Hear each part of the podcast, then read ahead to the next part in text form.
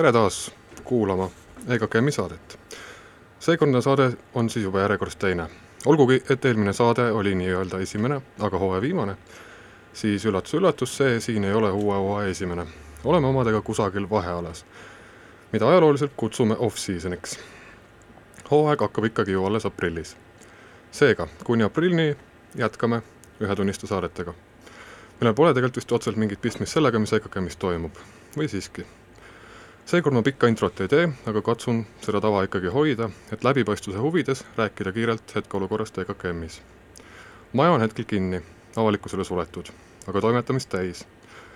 kui mööda minnes juhuslikult kolmanda korruse akendest valgust näete, siis töötab seal usinalt oma ajutises stuudios Sigrid Viir.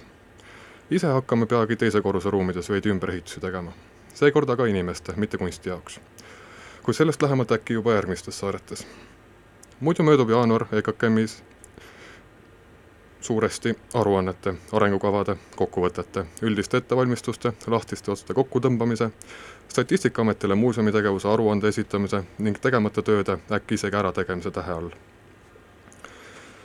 ja ühe saate teeme ka, selle siin. aga see, siis jah, lähme nüüd selleni. aga täna saates, saate esimeses pooles vestleb Laura Toots hetkel Tallinnat väisava kuraatori Heidi Palletiga, kes ühtlasi kureerib EKKM-is sel aastal esimest fot-, äh, jah. sai natuke kiiresti stuudiosse joostud. aga jah, igatahes Heidi Pallet kureerib EKKM-is äh, sel aastal toimuvat fotokuu näitust ning saate teises pooles vatran siis mina, Martin Eesko, kunstniku Paul Kuimetiga. ning loodetavasti, nagu saate lõpuks ka mõistate, on need kaks poolt siiski ka omavahel sisuliselt seotud. aga mis seal ikka, kuulame nüüd ühe loo ja siis hakkame otsaga pihta. thank you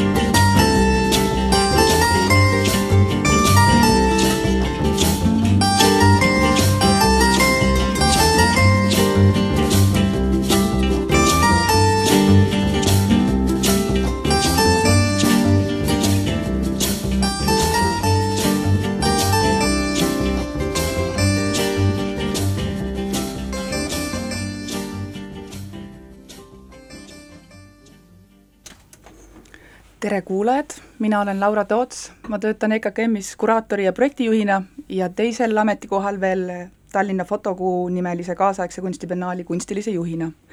ja need kaks äh, koondatud ametikohta seletavad natukene ka, miks on mul külas järgmisena kuraator Heidi Pallet, keda ma peatselt tutvustan inglise keeles, kuna ülejäänud vestlus meil selles keeles ka edasi läheb. Hello Heidi! Hello! Heidi Pallet is a Belgian independent curator uh, based in Berlin with a background in Chinese studies and a research interest in oceanic territory. Haiti has curated large-scale projects, mostly um, recent being a Beaufort Triennial uh, last year in Belgium and uh, Lofoten Biennial two years ago in Norway with a thematic focus on new ecologies. And um, as a curator of an international group exhibition held at EKKM in uh, September and October this year, uh, which will indeed be the opening exhibition of Tallinn Photomonth Biennial. Mm, we invited Heidi over here to Tallinn as uh, for the first ever site visit to both EKKM as well as to Tallinn and also in Estonia. And um, Heidi was part of a closed curatorial competition and uh, we invited her to be part of this because of her curatorial work highlighting ecological crisis and um, our um, human social responsibility and her global reach and previous background in uh, curating biennials and triennials. Maybe also you introduce yourself a bit further. What did I miss? was, I think it was a very good introduction. um, thank you for the for the extensive introduction. Um, what should I add to that? I think um, um, in my curating, what's specific, I guess, uh, these days, these year, last years, is that I try to um, think about how we we should learn in curating not to only uh, talk the talk, but also to walk the walk, as they say. Not like to think about, uh, be very reflective of our own practice. Um, yeah, I think uh, the the part of my CV of the oceanic territory is very important. I started researching actually on oceans in 2015 um, when I made a proposal to curate um, uh, an exhibition series at Jeux de Paume in Paris. And this was a series that was in um, in Paris, but also in Bordeaux. Um, and I proposed there to work around the idea of oceans. And the reason why I got so interested in oceans is that oceans are some kind of void in our understanding of the world, and they're not real territories. Um, which uh, which means has political consequences in some way because um, whatever we don't like to be existing, we can hide it in the oceans. Like it started with an interest in slave trade, actually, how uh, and how it's impossible to have an identity that's rooted in water instead of land. And so I got very interested in these oceans and uh, militarily how oceans are being used, um, how oceans are being used also to dump um, waste that no one wants to see anymore uh, histories, uh, internet cables, um, all these things. So I think um, right now I'm not working uh, intensely in oceans, even though, you know, once you have an interest, you always keep it in some way. I think what I capture on this ocean part is that I have an interest in always looking from the perspective of the ocean at the whole world. Um, but I turned very much into ecological thinking. Um, the switch happened in Lofoten, I would say, because um, we started researching there um, from kind of like a naive point of view. I would say we proposed a biennial. Me and my co-curator, I have to uh, call her with her name. So Milena Hoxberg, she's a Danish curator, and me. We created the 2017 LIAF uh, biennial, the Lofoten biennial. And LIAF uh, is situated in the north of Norway. Uh, it's a group of uh, islands called Lofoten, and we were interested in thinking what would happen in the future with this area, kind of projecting naively that um, at some point the ice in the North Pole would melt, and ships would go from Hamburg to Beijing over the North Northern Passage. And so when we were thinking about that, um, we were excited to think it might be like a post where all the ships arrive and it might have all these international influences.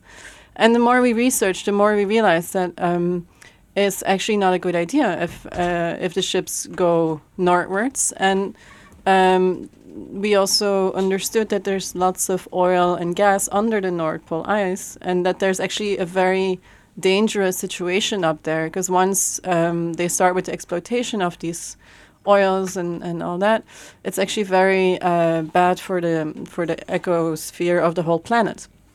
Um, unfortunately, we found out that the Nor- Norwegian government is, is not doing anything about it, even though Norway has this uh, image of being very ecologically conscious. They're one of the few countries where you're allowed to uh, dump toxic waste after mining in the ocean. There's only four other countries. Like recently, of course, Trump also voted for that. There's Papua New Guinea, Indonesia, and Turkey, I think, where you can also do that. So th- there's a there's a whole um, there's a whole situation of contradictions in that country and um, the knowledge that we have about how to protect ourselves is not even applied and used in a rich country like Norway. And so that made me very worried and started uh, like a real, um, yeah, I think I, I got a real engagement to use my platform, which is curating, to try and mm, be one of the people who talks about that. Yeah. But also the previous projects you have done have um, partly touched upon the subject of the um, reckless extraction of resources and the arrogance of human race.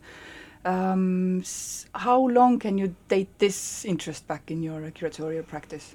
Mm, I think um, the thing is with extractivism, as as we would call it, like the the act of extracting goods and and trading them on the world market.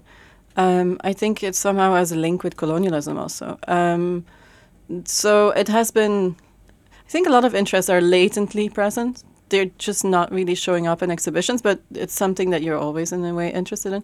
So I worked between 2012 and 2015 uh, with the curator Anselm Franke in uh, Berlin on an exhibition project called After Year Zero, and we researched um, the relationship between um, Africa and Europe um, and definitely already there, we saw a lot of um, uh, interest in all these countries just for getting resources out of the ground. Like I'm myself, I'm a Belgian person, so um, my country has a very bad uh, colonial history in Congo, um, and it's no secret to many of us that um, Belgium actually delivered the uranium for making the atomic bomb, and we got that from Congo and I um, and so yeah, the, so there's that has been present for a long time. It was only when I was researching in Lofoten that I understood just how important um, natural resources are in our economy. I mean, we kind of know that a lot of the wars in the Middle East are somehow influenced by oil, but the degree to which actually um, oil, coal, um, all these natural resources are defining politics also. And that is quite scary, I think, yeah. Something that you also mentioned in the um, curatorial proposal that you made for this um, competition I mentioned earlier is also the idea of um, the same recklessness I mentioned um, being um, um, the, the currency, the money, the profit mm -hmm. is something that we are reckless for. Mm -hmm um, and we are having this schizophrenic um, sensation that we would like everything around us to be beautiful and we are using the profit for this to create and recreate this environment but then again the rest that maybe is um, outside or away from our sight or underneath the ground or in the in the water in the ocean as you mentioned then this almost seems to be like the territory that uh, we can do everything with mm-hmm. um, yeah so that's uh, that's something I also um, I feel that uh, spoke very um, highly to the um, to the um, uh, to EKKM as a hosting institution and also to the uh, the people of the biennial and um, the uneasiness and the schizophrenia or maybe even speculations mm-hmm. nowadays mm-hmm. yeah. again seem to be keywords and topics um, that somehow are maybe like horizontal terms over many many um, subject matters. Yeah it, i think a, question that started to interest me um, knowing that i mean there's one part is that you um, pollute the earth and you don't know it and then of course that's a very specific story but we know that we're polluting. We know that we're destroying our own environment. We know and we're the only species doing that right now. Um, and i think more and more i got this question like um, what does it mean then to be human? Because it's not really you're we can't portray ourselves as as um, as um, these uh, super sophisticated species on this earth if we're destroying our own environment and and people who have developed to such a degree of sophistication that we made art and everything. So I think everything kind of starts to crumble if you if you look at how we we are in some kind of denial about that. So yeah, I, I started. Also, um, I think the crisis is so big; it's very hard. You feel very small compared to what can be done. You think like, oh, if I do this small thing, it's not going to have any impact anyway. But I think um, I think my personal way out and is to think: uh, Do I feel myself that I'm being a human? And can I live with myself making that decision or that decision? So I think it's also a very personal questioning of, of what your values are actually in the face of what you're seeing around you Exactly. I was about to ask what kind of sustainable living, working, traveling methods would you see or dream of now? yeah i think i think um, i would dream of really good train connections um, because I, uh, I i don't like to fly i've never liked to fly actually um, uh, I feel like it's sucking my body like a vacuum bag. Um, I'm being checked up in, in the security points. I don't trust uh, flying. Um, I don't feel like it's very natural. So um, I haven't taken an airplane since October 2017. I have to say that, of course, it's for ecological reasons. Also, it's also because I just don't feel it's very natural. I, I just don't feel very comfortable with it. Um, so I try to, uh, for this exhibition specifically here in Tallinn, I try that uh, no one will take an airplane, that no artist will come by airplane. If they want to come, they can take a train and a boat. And that's also how I arrived here a couple of days ago. So I, um, I left Berlin. Um, when was this? On the 4th? of on the 4th of January, uh, 7 a.m. And then I arrived in Stockholm by train at 3 p.m. And then I took a train directly uh, shortly after that at 4:30 or something to Stockholm. So I could actually get from Berlin to Stockholm in one day, it's from 7 a.m. to 9:30 p.m. Then I slept one night in Stockholm, and then I had a nice afternoon in Stockholm and took a boat, a ferry of Tallinn to Tallinn. So it's Yeah. quite feasible actually. If you really wanted to, but, but I think, um, w- as with many things in life, you need to make it your priority. Exactly. You mentioned earlier the um, something I caught from what you said, void in understanding, but you were mentioning it about the oceans. But I think also it applies well nowadays for traveling, that it's so uh, accessible and affordable that we even um, really don't see or Mhm. feel it, or maybe if it's like very negative uh, emotions that you describe. Um, but uh, I wonder if everyone has. I mean, I when I talk about with people and I say I took the the train here. I mean, this one, this travel is a bit more complicated, but just Mhm. traveling between Brussels and Berlin, which I do often. Yeah, that's logic. Uh, yeah, that's seven hours by train. And It's very easy. Um, very often when I tell people, oh, I never fly, I always come by train. I see them look and say like, oh, that would be so nice to take the train, and you kind of wonder why they don't research it or why they don't do it. Exactly, because it's it's- just more or less the same price. Um, there, but it's true that it's not easily accessible.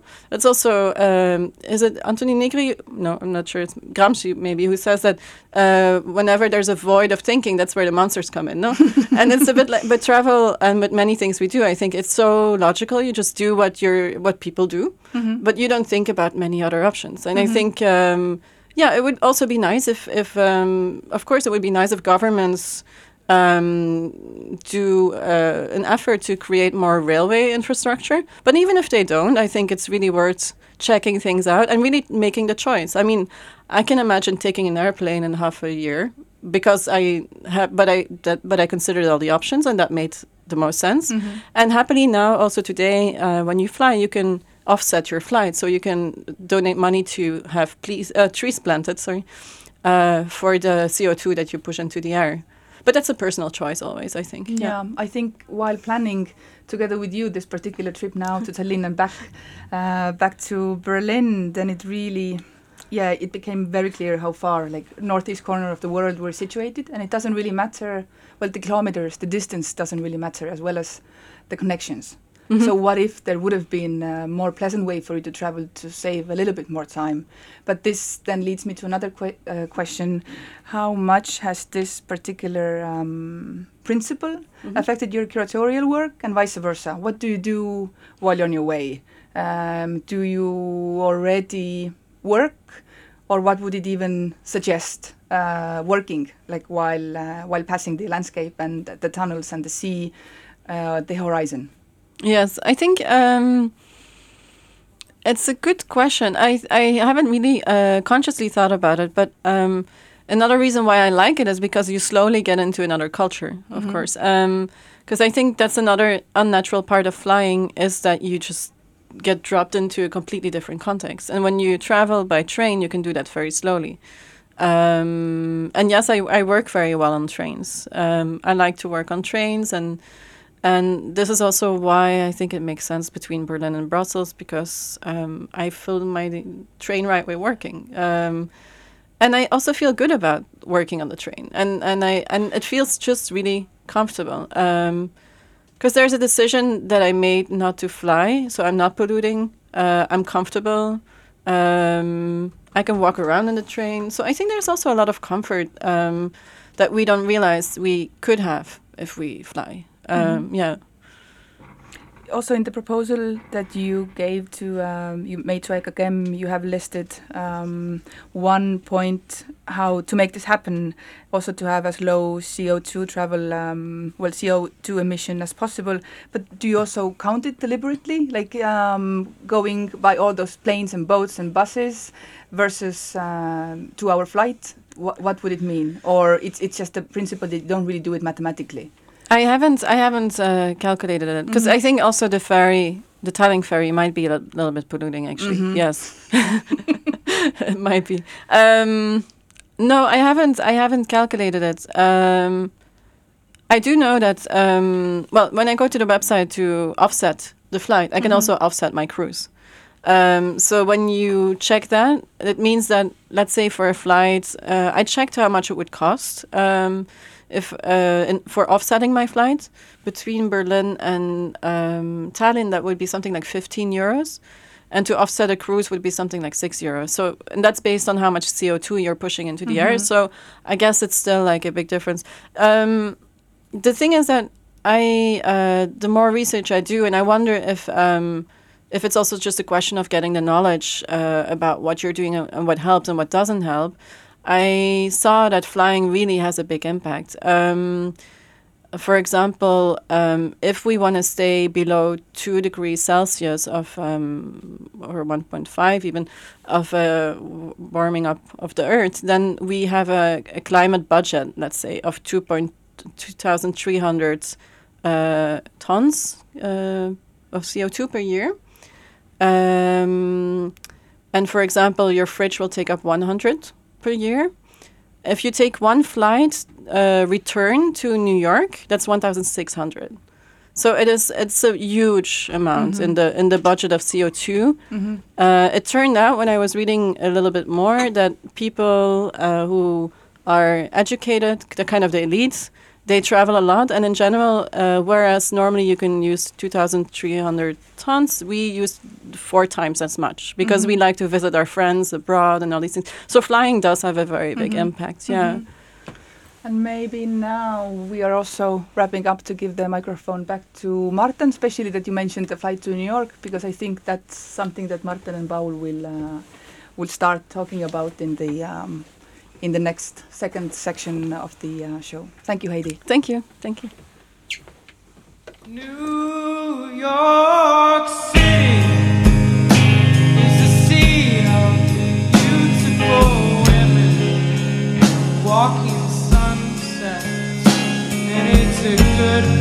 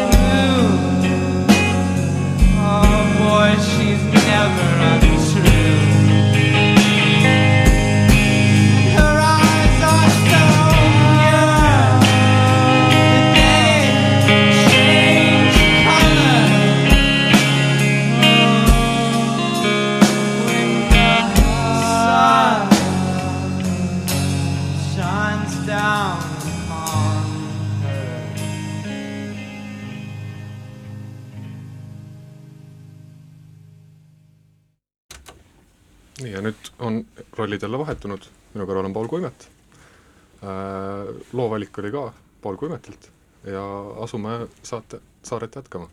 tere, Paul! tervist!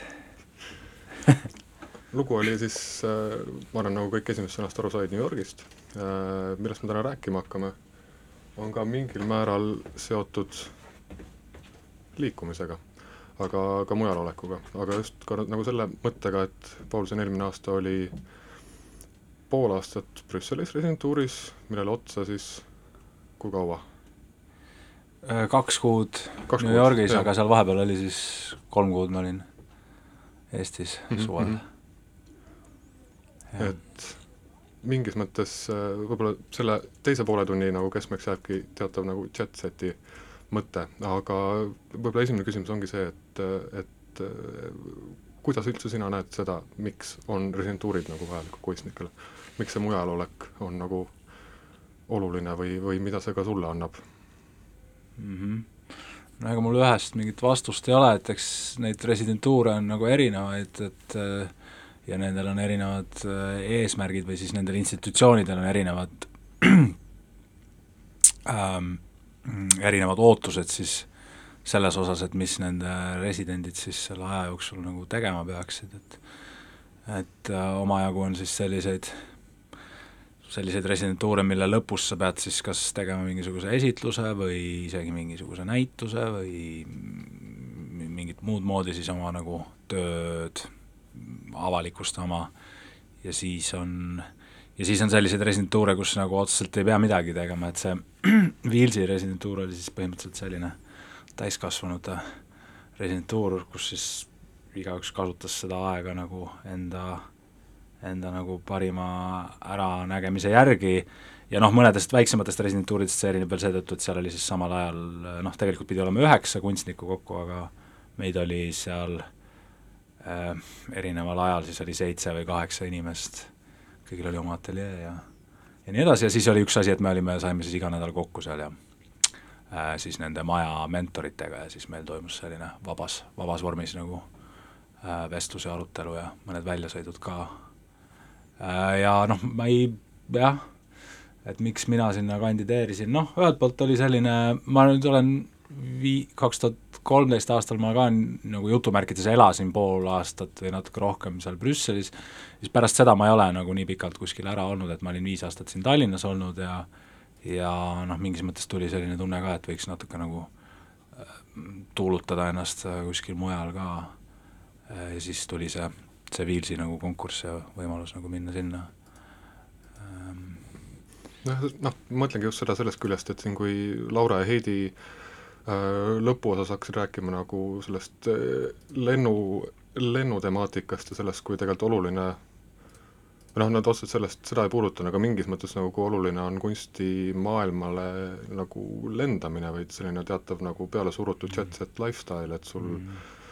no selleks, et justkui nagu olla osa sellest, sa peadki olema igal pool äh, erinevatel aegadel ja kui noh, mõelda ka kommertsaspekti peale, siis nagu see messindus ongi nagu vanakooli äh, Euroopa Grand Tour nagu mingis mõttes, et sellest, et nagu messist messi nagu lennata, sul tulebki terve sellise poolaasta nagu vabalt ära sisustada mööda Euroopat ja maailma ringi lennates. Mm. aga samamoodi residentuurid on noh, mingis mõttes nagu keskne osa nagu äh, kunstnike, kunstnikel rahvusvahelises võrgustikus nagu toimimiseks. Mm -hmm. aga noh, nagu ma selles mõttes aru saan, et, et mingis mõttes see annab võimaluse kunstnikul töötada ilma selleta, et ta peaks muretsema selle peale, kus ta töötab ja ku-, ja nagu kuidas ta ära elab Mm -hmm.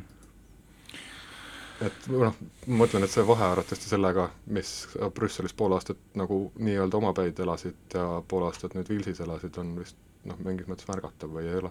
Mm, jah, ikka kindlasti jah, et selles mõttes, et äh, ma ise, noh tähendab, kui ma olen nii-öelda siis välismaal nagu e- jälle jutumärkides elanud, sest tegelikult ega see pool aastat või kaheksa kuud, et see ei ole mingisugune nagu elamine tegelikult, et isegi aasta või kaks ei ole tegelikult, ma arvan, mingisugune elamine, et et see läheb ikkagi lõpuks päris kiiresti ja ja, ja äh, aga noh, et ma olen kõikidel nendel kordadel ikkagi üritanud ennast mingisuguse nagu institutsionaalse nagu asjaga siduda, sellepärast et et noh, sealt kuidagi arenevad need sotsiaalsed suhted ka nagu natukene lihtsamini. Et noh, muidu on selline, et sa istud üksinda kuskil noh, ja nüüd noh, ole, noh, oleneb nagu kohtadest ka, et Ameerika muidugi on väga selline vastuvõtlik ja äh, kuidagi avatud, aga Brüssel mingis mõttes väga tough koht, et noh, seal on veel keele, keele nagu probleem ka natukene, et et kuigi me oleme harjunud, et see noh, okei okay,, ütleme, et see kunstimaailm räägib inglise keelt kõik, aga aga kõik ülejäänud nagu ei räägi, on ju, et siis sa ikkagi hakkad ennast, on see kuidagi teistmoodi ikkagi see keskkond, kui sa saad aru keelest, mida seal räägitakse ja mis keeles sildid on ja nii edasi, et aga kui sa võrdled nüüd näiteks äh, Wheelsi ja ISCP-d, Äh, jah, noh, ISP residentuuris ma olin nüüd siis oktoober, november, et see oli palju lühem, struktuur iseenesest nagu samasugune, et seal on siis äh, ateljeed kunstnikel, seal oli neid palju rohkem, mingi kolmekümne ringis, ja siis seal oli see, et inimesed olid erineva pikkusega, et osadel, osade residentuurid kestsid siis aasta aega ja pool aastat ja kolm kuud ja nii edasi. mina olin sellise lühema, lühema perioodi seal ja noh,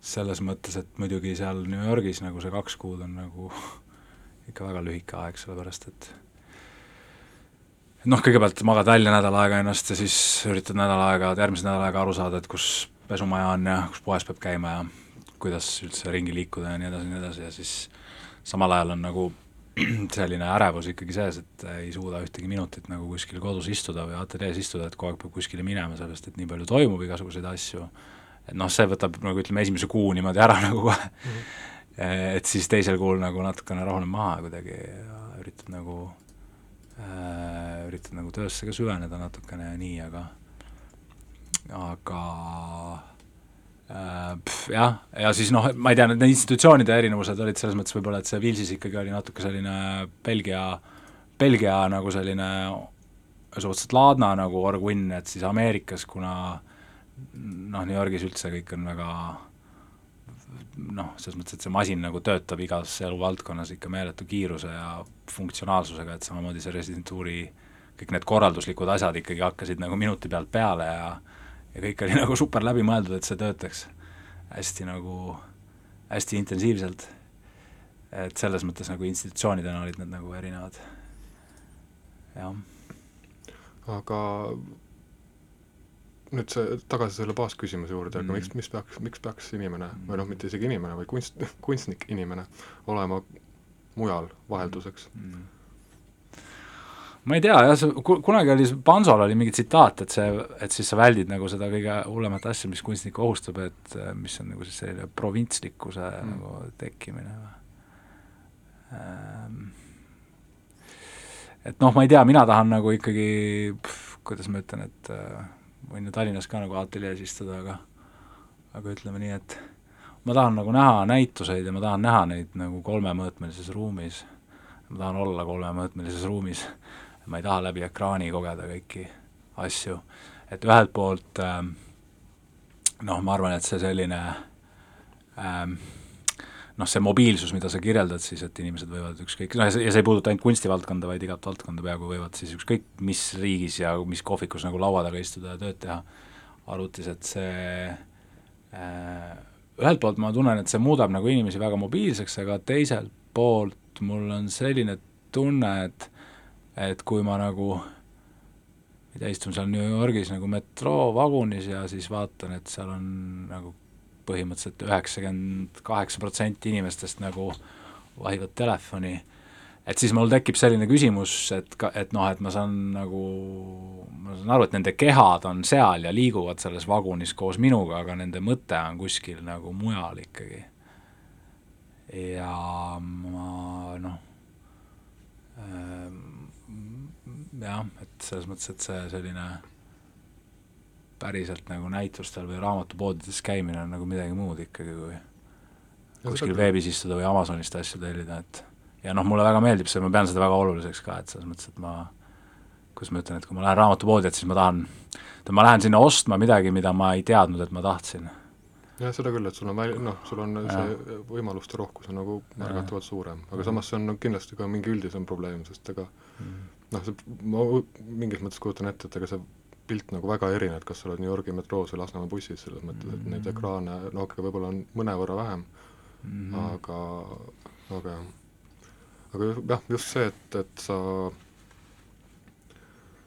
nojah, muidugi need võimalused muutuvad ka aina rohkem, rohkemaks, see, et nagu sa saadki nagu paarikümne euroga lennata kuskile Lõuna-Hispaaniasse, on ju, ja nii edasi, et, et see Mhm. pakub kõigile muidugi nagu seda mm -hmm. justkui lõputut vabadust käia nagu kohtades, mis noh, mujal on ikka parem alati, on ju, aga aga noh, mis aga nagu ma ei noh, ma lihtsalt selles mõttes korra veel ütlen seda, et noh, et just eile, eile Airit Riisberg kirjutas selles ka äh, KEK-i uudiskirjas, et Mhm. noh, et äh, et tegelikult, et kas keegi on nagu siin ka tõstatanud selle küsimuse, et mis, et kuidas, et miks me nagu, et noh, riigi poolt promotakse siis või, või siis ütleme, kultuuripoliitika nagu keskendub väga palju siis äh, nii-öelda siis rahvusvahelistumisele, et Mhm. miks siis nagu et keegi ei ole tegelikult esitanud küsimust, et kas me peaksime nagu sellise asjaga tegelema, samal ajal kui siin nagu mingisugune ökokatastroof on on nagu, muutub iga päev siis nagu äh, tuleb, tuleb päeva, päeva ja aastate võrra nagu lähemale iga uue, uue mingisuguse raportiga, et ega ma noh, jah, ma ei tea, mul ei ole nagu vastust nagu välja mõeldud sellele, et mis see kunstnik siis nagu teistmoodi inimene on kui mingisugune turist, on ju, et see on väga noh, selles mõttes keeruline, ma tahaks kõikidele Eesti inimestele öelda, et nad võiksid nagu äh, noh, kuskil isegi mitte siis, mitte siis kaks nädalat Egiptuses basseini ääres passida, vaid vaid minna kuskile kaheks kuuks või pooleks aastaks ja natuke ringi reisida nagu avatud, avatud mõtlemisega äh, kas või kuskil mõnes Euroopa suuremas linnas, et nagu mm, ma ei tea, tekitada mingit empaatiatunnet nagu maailma asjade vastu või äh, no selles mõttes on see et seda ma tahaks ühelt poolt seda soovitada, aga teiselt poolt see selline nagu jah, selline mingisugune ega see turism nagu hea ei ole lõppkokkuvõttes, kui sellist planeet õhku lendab lõpuks. Tõsi, sellele ma vastu ei vaidle. aga no kui hakata nüüd kõrvutama nagu seda noh, mingit nii-öelda siis argitransporti riikide vahel ja, ja residentuure, siis no mingis mõttes see on kõvasti nagu mõttekam see, et kas sa lähed nagu paariks päevaks Brüsselisse nagu näitusi vaatama ja lendad kohe tagasi või sa siis reaalselt oled seal pool aastat, mis annab sulle ka muidugi võimaluse kõigis teistes Euroopa linnades käia nagu rongiga, mis on võib-olla vähe nagu, vähe mõistlikum variant kui lendamine mm. Mm. et sellest küljest nagu ma näen, näen sellel nagu vajadust küll kõvasti Mm. ja noh, ja muidugi siin ei saa nagu seda teist külge, seda pragmaatilist ja positiivset külge nagu ka jätta nagu kõrvale, mis ongi seesama nagu lihtsalt korraks teises kontekstis paiknemine mm. Mhm. ja selle kontekstiga no võr-, selle konteksti nagu võrgustiku endale saamine siis ka mingis mõttes. jah, aga kui nüüd sisu juurde minna, siis mida, mida sa reaalselt tegid seal residentuurides ja kuidas see nagu välja nägi? kuidas see sinu äh, tööprotsessile Mm. mõjus, kui võrrel-, võrrelda nüüd näiteks seda, et istud Viilsis oma sealses stuudios või istud Tallinnas oma siinses stuudios? noh, selles mõttes, et äh, eks seal vä-, noh, mingisugused argised nagu sellised äh, ma ei tea, olmeasjad nagu kaovad seal välismaal kiiremini ära, sest mul ei ole vaja tegeleda mingite äh, ma ei tea, jah, mingite argiste asjadega, mis tulevad sellest, et ma elan, elan ikkagi, olen siit pärit ja mu pere elab siin nagu äh, siin noh, ka linnas või linna ümber ja nii edasi äh, ja igasugused muud siis sellised nagu sotsiaalsed suhted, et need on nagu vähem, on ju, et siis mul on nagu aega nagu iseendale äh, keskenduda, enda asjadele.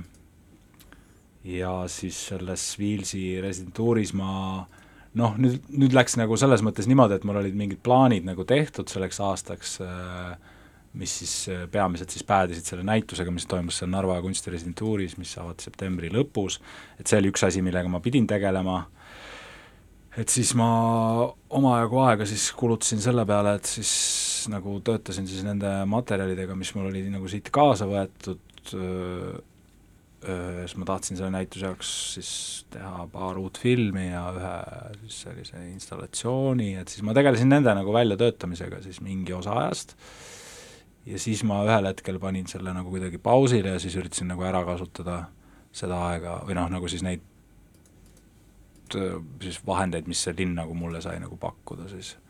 et ma käisin siis ühes arhiivis natukene, töötasin seal, tegelesin siis äh, nende asjadega, noh, ma ei tea, millega need nüüd päädivad täpselt, ma ei ole veel äh, päris selgusele jõudnud selles materjalis, et istun, istun nüüd Tallinna ateljees ja vaatan neid asju edasi-tagasi ja mõtlen, mis nendega edasi teha äh,. jah, ja siis noh, kuna jah, nagu sa ütlesid, oli Euroopa keskel ka, et siis ma käisin natukene, natukene sõitsin ikkagi ringi seal ka erinevates kohtades ja vaatasin näituseid ja niimoodi aga kui palju näiteks seal siis Vilsis olles see kaader ka vahetus, et palju seal nagu seda rahvaliikumist oli? seal ei ole, seal on nii, et nüüd, nüüdsest alates on nii, et pool, pool, et poole aasta kaupa kõik tulevad ja lähevad samal ajal mm, -hmm. nagu et on sama, sama grupp sama kaua. mis on, mis varem oli ka natuke teistmoodi seal, aga nüüd on nagu niimoodi, mis on kindlasti nendele mentoritele väga väsitav, aga aga ma arvan, et residentidele on nagu mingis mõttes nagu tore, sest noh, jah, et noh, kõik tulevad samal ajal, et siis on nagu kuidagi tekib selline mingi sotsiaalne elu, kuigi ma pean ütlema, et seal New Yorgis tekkis see nagu isegi veel kiiremini ja kähku, et seal kuigi seal mõned inimesed olid nagu eri, noh juba tulnud ammu ja osadel hakkas lõppema aasta ja siis, kui mina näiteks tulin, on ju, et mm et seal oli nagu sellist, aga jah, et kaader nagu ei vahetanud seal Viilsis väga palju. Aga ma ei mäleta tegelikult, kas me oleme sellest nagu eetriväliselt mingil määral juba ka varem rääkinud, aga, aga mingis mõttes no üks küsimus jälle, mis puudutab seda noh, inimrännet nii-öelda, ongi seesama nagu lokaalsus mingis mm -hmm. mõttes, et noh, paratamatult kui noh, lugeda kuskilt näituste kõrvalt, vaatame Paul Kuimeti short bio, siis öeldakse, et ta on nagu kunstnik Eestist, võib-olla eesti keelt tõlgituna isegi Eesti kunstnik mm. Aga, aga noh, see kunstivälja mingis mõttes omapära ongi see rahvusvahelis- mm, -hmm. rahvusvahelisus, mida nüüd siis ka Kultuuriministeerium aina suuremalt nagu mm -hmm. promoveerimise Airi juures nagu mainis, et see rahvusvahelistumine, et, et ma mäletan mingit, mingit nagu seika nagu nii-öelda sellisest terminist nagu Belgia kunstnik mm. -hmm. et, et kui, kui, kui väga nagu, ma ei tea, võib-olla me isegi ei rääkinud sellest sinuga selles mm -hmm. mõttes, aga aga, aga kas seal on nagu tajutav ka äh, mingis mõttes Vilsis olles, et see on tegelikult ikkagi noh, mingis mõttes see lok-, lokaalsus ei ole nagu oluline, see tegelikult, kust sa tuled ja kus sa nagu baseerud või, või oli, oli seal ka nagu nii-öelda Belgia kunstnikke oli ka residentuuris? oli, jah. ei no oli jah, aga mm, nojah, siis see noh, seda sotsiaalset elu siis nagu selles mõttes muutus, et need inimesed, kellel olid seal Brüsselis oma korter ja pere mm -hmm. ja lapsed või mis iganes, et ega nad siis nagu teistega koos nii palju nagu väljas ei käinud või et noh, ma saan aru, see, mida sa tahad nagu küsida selle Kultuuriministeeriumi, et ma lihtsalt nagu noh, et äh, et ma ei hakka seda rohkem nagu tagasi hoidma, et eks see ole ju see, et tegelikult noh, inimesed reisivad sellepärast, et endale nagu karjääri ehitada, on ju. Mhm. et siis nagu lihtsalt siis me võime küsida, et, et mis see, mis see nagu, et kas see on vajalik, esiteks, ja või noh, tähendab jah, et selles mõttes see ongi siis ainuke küsimus tegelikult, et ega seal mingit teist mhm. küsimust ei ole, on ju ja noh, siis me peame ikkagi noh, ma arvan, mõtlema mingis nagu sellises äh, noh, mina mõtlen sellest niimoodi, et, et ma arvan, et ei, kui ma, kui ma, ma olen seda mitu aastat seda juttu rääkinud, kui ma räägin inimestega nagu välismaalt, siis ega nad ühtegi Eesti kunstnikku ei tea. Selles mõttes, et või Katja Novitskovat teatakse mm, -hmm. kes nüüd nagu on selline kuivõrd-niivõrd Eesti kunstnik, selles mõttes, et ta on oma karjääri ehitanud kuskil mujal, on ju äh, et öeldakse, et ei, ei teata, noh välja arvatud siis neid, keda isiklikult tuntakse mm. -hmm et mul on selline tunne, et ma arvan, et see kaasaegse kunsti nagu tase siin ei ole üldse nagu kehvem kui mujal, on ju, ja ma arvan, et meil on nagu ikkagi ka sellise väikse nagu rahvaarvu juures on nagu päris palju ikkagi, see nagu, nagu arvestatav number nagu huvitavaid kunstnikke, kellel oleks midagi ka siis sellele nii-öelda rahvusvahelisele kunstielule pakkuda.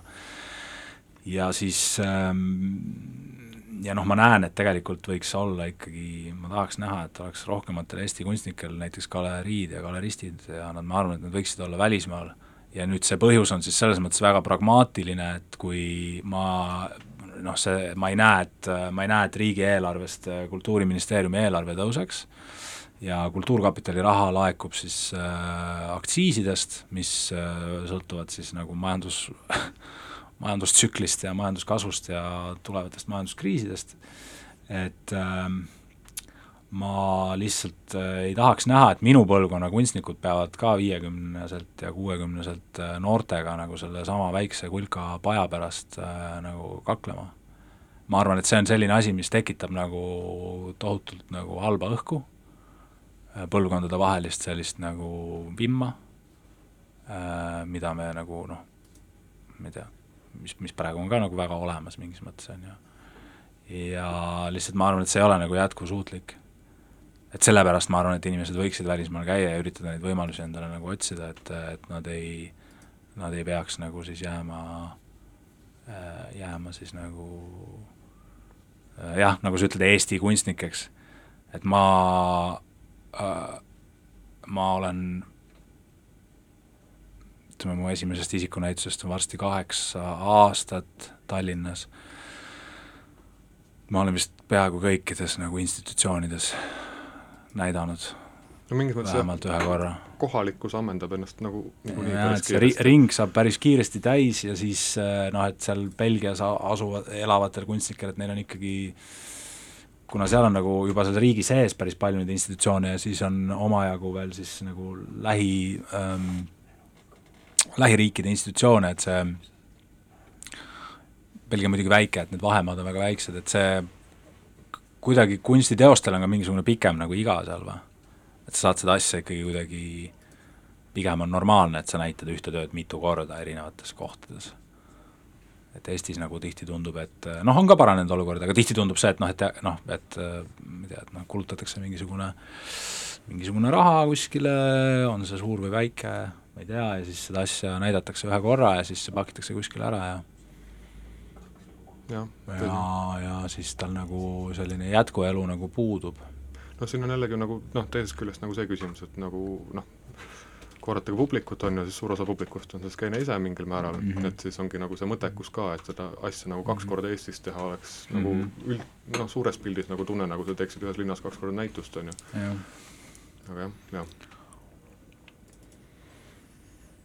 nojah, nii ja naa, et selles mõttes oleks tore, kui siin noh, ma ise ka nüüd selle noh, Narva, Narva näitusega ka tegelikult oleme ikkagi ürit-, noh, on üritatud leida nagu siis mingit äh, võimalust seda kuskil mujal ka näidata, aga aga praegu nagu ilma siis, ilma suurema, ilma suurema eduta, millest on nagu noh, sellel on nagu erinevaid põhjuseid, et seal ei ole, keegi ei ole süüdi selles ega midagi, aga aga ta võiks nagu muutuda selliseks noh, normaalsuseks mingi hetk jah. aga noh, rah-, noh jällegi tagasi tulles uuesti nagu selle rahvusvahelistumise asja juurde on, seal on nagu kaks, mingis mõttes on kaks külge, et on ju, et noh, miks seda vaja on, üks ongi nagu mingis mõttes see karjääri edendamine ja nagu näidata oma kohalolu ka rahu, rahvusvahelises plaanis mm, -hmm. aga seal nagu noh, teine külg on ka see, et nagu kust maalt tõmmata nagu see piir, et kas see asi on juba rahvusvaheline või ei ole mm. -hmm. noh, siin mul tuleb ka noh, hiljuti, see oli küll vist eelmise fotokuu näituse kuraator Ante Poiss nüüd hiljuti kirjutas Kunstkriitiki nagu selle mm -hmm. Bergeni skeene kohta nagu mm -hmm. artikli just ka nagu sellest kommentaarist, et see, mis seal toimub, on noh, Eestiga ei ole väga võrreldav muidugi, aga, aga noh, Bergen just ka andis välja oma uue kultuuripoliitika nagu aluspõhimõtted ja seal on ka keskne eesmärk on rahvusvahelistumine suuresti mm. -hmm ja aga see just nagu see asi iseenesest anna-, jätab nagu mulje justkui nagu see Bergen ei oleks juba nagu rahvusvahelistunud mm -hmm. või et see, see oleks, see on nagu hädavajalik, on see rahvusvahelistumine sellele skeenele mm. -hmm. ja sealt kõrvalt hakkas juba tulema vaikselt nagu niisuguseid muljeid, et, et lisaks Bergeni assambleele hakkab ka veel midagi sarnast mm -hmm. juurde tekkima, mis nagu ei ole väga erinev Bergeni assambleest, aga lihtsalt mm -hmm. nagu niisugune kas see on see biennaalse assamblee nagu või? või mis see on? minu arust on isegi kas ta ei ole triennaal, ma ei ole kindel okay., selles mõttes, et ärge, ärge nagu seda, neid mm. fakte praegu nagu faktina võtke, aga et a la, et see on, et Bergen Assembly on nagu triennaal, aga siis kõrval veel mingi biennaal, mis on suuresti sama nagu fookusega mm. ikkagi. aga noh, see on nagu noh, ma isegi võiks öelda, võiks öelda, et ta nagu Oslost nagu rahvusvahelisem on kohati Bergen. aga ka seal on endiselt see surve nagu päris suur, aga siis ongi, et noh, tegelikult Tallinn ei ole mingis mõttes nagu vähe rahvusvaheline mm. võrreldes, ma ei tea, kas või lihtsalt viis aastat tagasi, et palju siin seda rahva, rahvaste ring, ringlust nagu Tallinna, Tallinna-siseselt on, et nagu noh, kui mingis no. mõttes nagu see saate eelmine külaline näitab. no nüüd nagu on rohkem jah, aga minu arust ikkagi, ma ei tea, viis aastat tagasi oli ikka väga ja. üsna nagu oli, oli. aga noh rääkimata samas... kümme aastat tagasi. aga samas noh, teistpidi on jällegi see, et palju siit liigub nagu rahvusvahelisse, nagu rahvusvahelisele areenile see Eesti kunstnik on nagu pigem see küsimus, mis on siis ministeeriumi poolt, ma arvan. no on jah, jah. on, aga siin on jälle mingid sellised meetmed, mida seal saaks kasutada, et see asi nagu muutuks. tähendab, et noh äh,, okei okay,, siis o, jälle noh, et mõned minutid on aega, panen siis otse, et tähendab, et äh, et äh, Kultuurkapitalil võiks ikkagi olla nagu see ingliskeelne taotlus äh, võiks seda olla kindlasti. kuskil olemas, sest et äh, mingi, ma ei tea, et selle, sellel on ikkagi mingi põhjus, miks Põhjamaadel ja Hollandi kunstnikel nagu, miks nad nii palju osalevad kõikidel rahvusvahelistel näitustel, et et see põhjus on ikkagi mingil määral ju selles, et et võetakse ju nagu noh, mitte siis jah, see ka ei ole hea, et kui võetakse sellepärast ainult, et nad on riikidest, kus on teada, et raha, raha läheb liikvele, kui need kunstnikud osalevad, aga aga noh, see kindlasti nagu hõlbustab seda mingis mõttes. ja noh, ma lihtsalt tahan, seda tahaks ka veel öelda, et see et nüüd ei jääks jälle nagu see vale mulje, et see rahvusvahelistumine ise nüüd on mingisugune nagu eesmärk omaette, et et pigem on ikkagi noh, kunstnikuna ma tahan ju, et noh, selles mõttes, et ma tahan osaleda huvitavatel näitustel mm. -hmm. koos teiste huvitavate kunstnikega ja, ja mingisuguses siis sellises nagu öö, intellektua-, intellektuaalses sfääris nagu osaleda. et äh, mitte, et seda, mitte, et seda Eestis ei ole, aga jällegi, et see sfäär on nagu väike ja, ja, ja, noh. ja nagu piir, piir, noh, see piir tuleb nagu ette suhteliselt kiiresti, et et äh, ma, ma isegi, ma isegi ei hakka selle sisu ja kvaliteedi mõttes ütlema mm. -hmm. et see kuskil mujal nagu parem on, aga ta on noh, lihtsalt nagu värskendav kuidagi, midagi uut tuleb välja sealt kuidagi. no kindlasti sisu ei, sisu ei maksa nagu piirata riigipiiri nagu mm. tasandil selles mm. mõttes, et see on paratamatu, et kui sul on nagu huvi teema vastu, siis siis noh, see ongi see, miks kunst on rahvusvaheline. Mm -hmm. et oleks võimalik valida, mm. jah, tõsi, tõsi. aga mis see tulevik sulle ette toob? Kui nüüd lõpu, lõpu äh, lõpunoodid tulevad juba jah minna mm., et noh, homme lennuki peale. uh, homme lennuki peale, aga see on nüüd puhkusereis rohkem, et ma sellest võib-olla ei mm. -hmm. tahagi, et ma jah, seal noh, olen paralleelselt need, selle Narva näitusega seal kõrvalt nagu siis nokkinud mingeid muid asju, mida ma seal New Yorgis ka natukene tegin ja siis äh, nüüd äh,, nüüd ma arvan, see aasta ma äh, loodetavasti reisin natuke vähem ja siis äh, hakkan nende uute nagu tööde kallal siis nagu tööle mm, ateljees ilmselt. et siis äh, saab näha, mis sellest nagu välja kasvab, et ma muudest, ma teistest asjadest ei saa rohkem midagi nagu öelda äh, mm -hmm. avalikult veel. mm. -hmm. dokumendiks ei tee neid veel? No veel ei mm. ole jah, ma ei tea, kui sa istud mõnes äh, selles mingis äh, žüriis, et siis sa võib-olla no, oled, jaa, jah, siis sa ilmselt Mhm. oled ise juba midagi lugenud kuskilt, aga teatud määral, teatud määral, aga jätame selle, jätame selle saladuseks. jah, ja, ja, ja eks siis sellest saab rääkida siis, Mhm. kui need asjad kindlamad on, Jah. aga Paul, aitäh, et sa tulid, aitäh, et kutsusid! aitäh, et veits lobisesime siin. ja see siis oli EKKM-i teine saade. aitäh kuulamast! aitäh!